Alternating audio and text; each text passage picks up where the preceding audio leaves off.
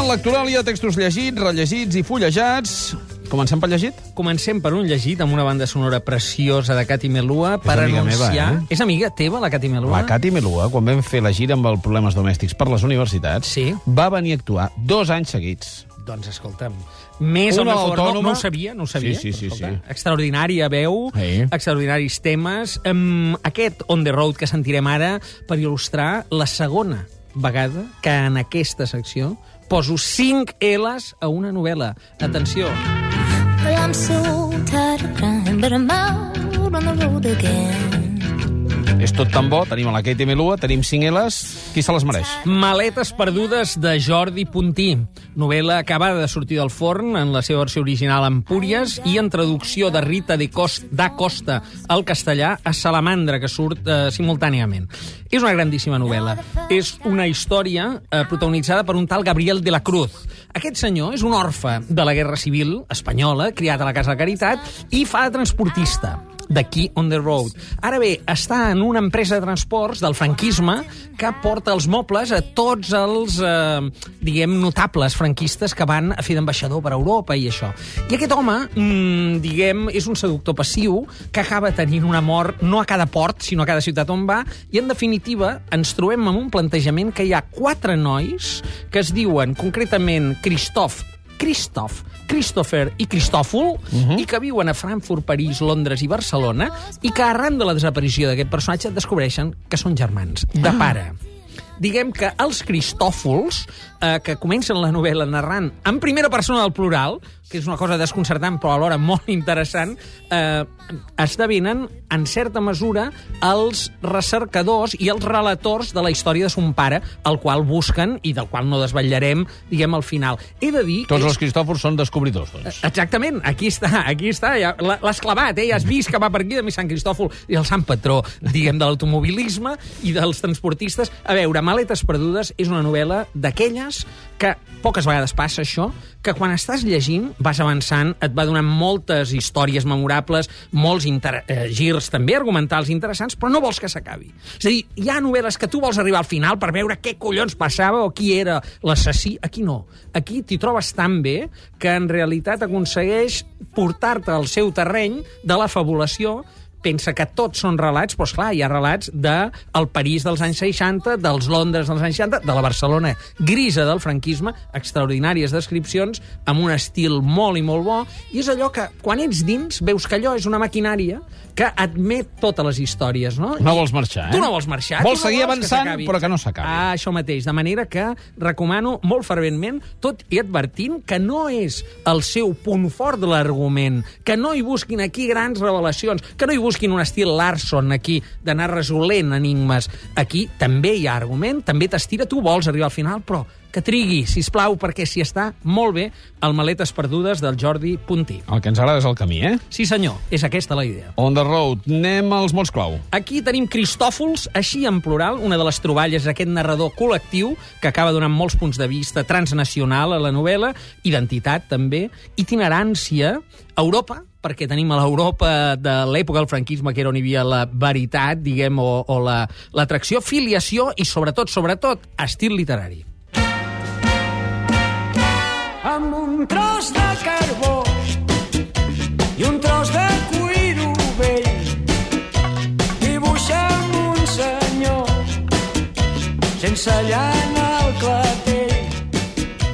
Posa-li flors al cap És l'home dibuixat de la plateria per il·lustrar què? Per il·lustrar el rellegit d'avui, que és un clàssic de la literatura, Bartleby, l'escrivent, d'en Herman Melville, en traducció de Miquel Desclot. Això ara ho reedita la butxaca en una edició, diguem, molt a l'abast. Això és un relat molt breu, com pots veure. És un d'aquells llibres que te'l pots endur a dinar. Que té 60 planes, Té, 70... en aquesta edició en té 63, concretament, i eh, realment és una molt bona traducció. Eh, el Bartleby es troba de vegades en llibres amb altres relats d'en Melville, no?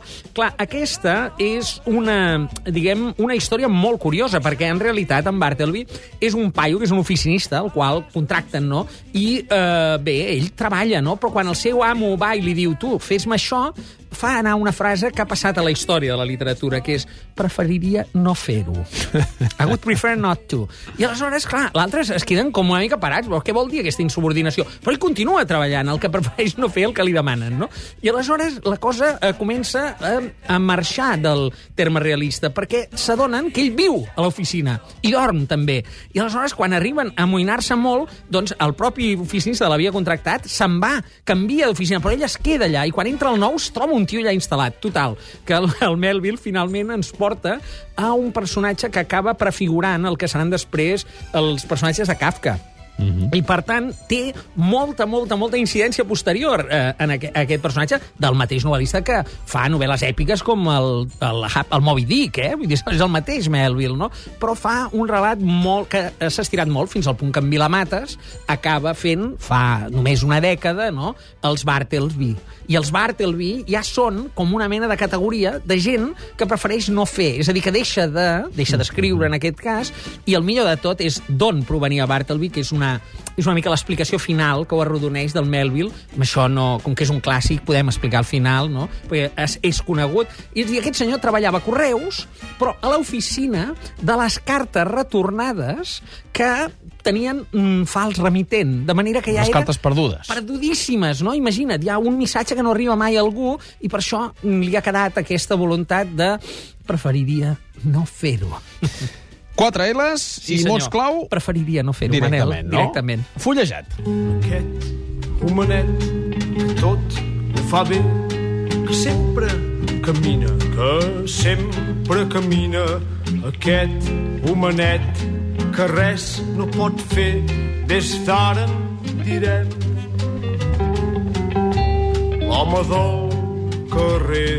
Ens el presentava Quico Pi de la Serra i tu ens portes... Manolo Vázquez Montalbán, eh, un llibre fullejat i llegit a salts, perquè a més és com s'ha de llegir aquest llibre, el primer volum de tres que s'anuncien, antològics, amb les columnes, diguem, amb l'obra periodística del Manolo Vázquez Montalbán. En aquest cas es diu Obra periodística 1960-1973, això ho publica Debate, i l'edició està a càrrec de Francesc Salgado.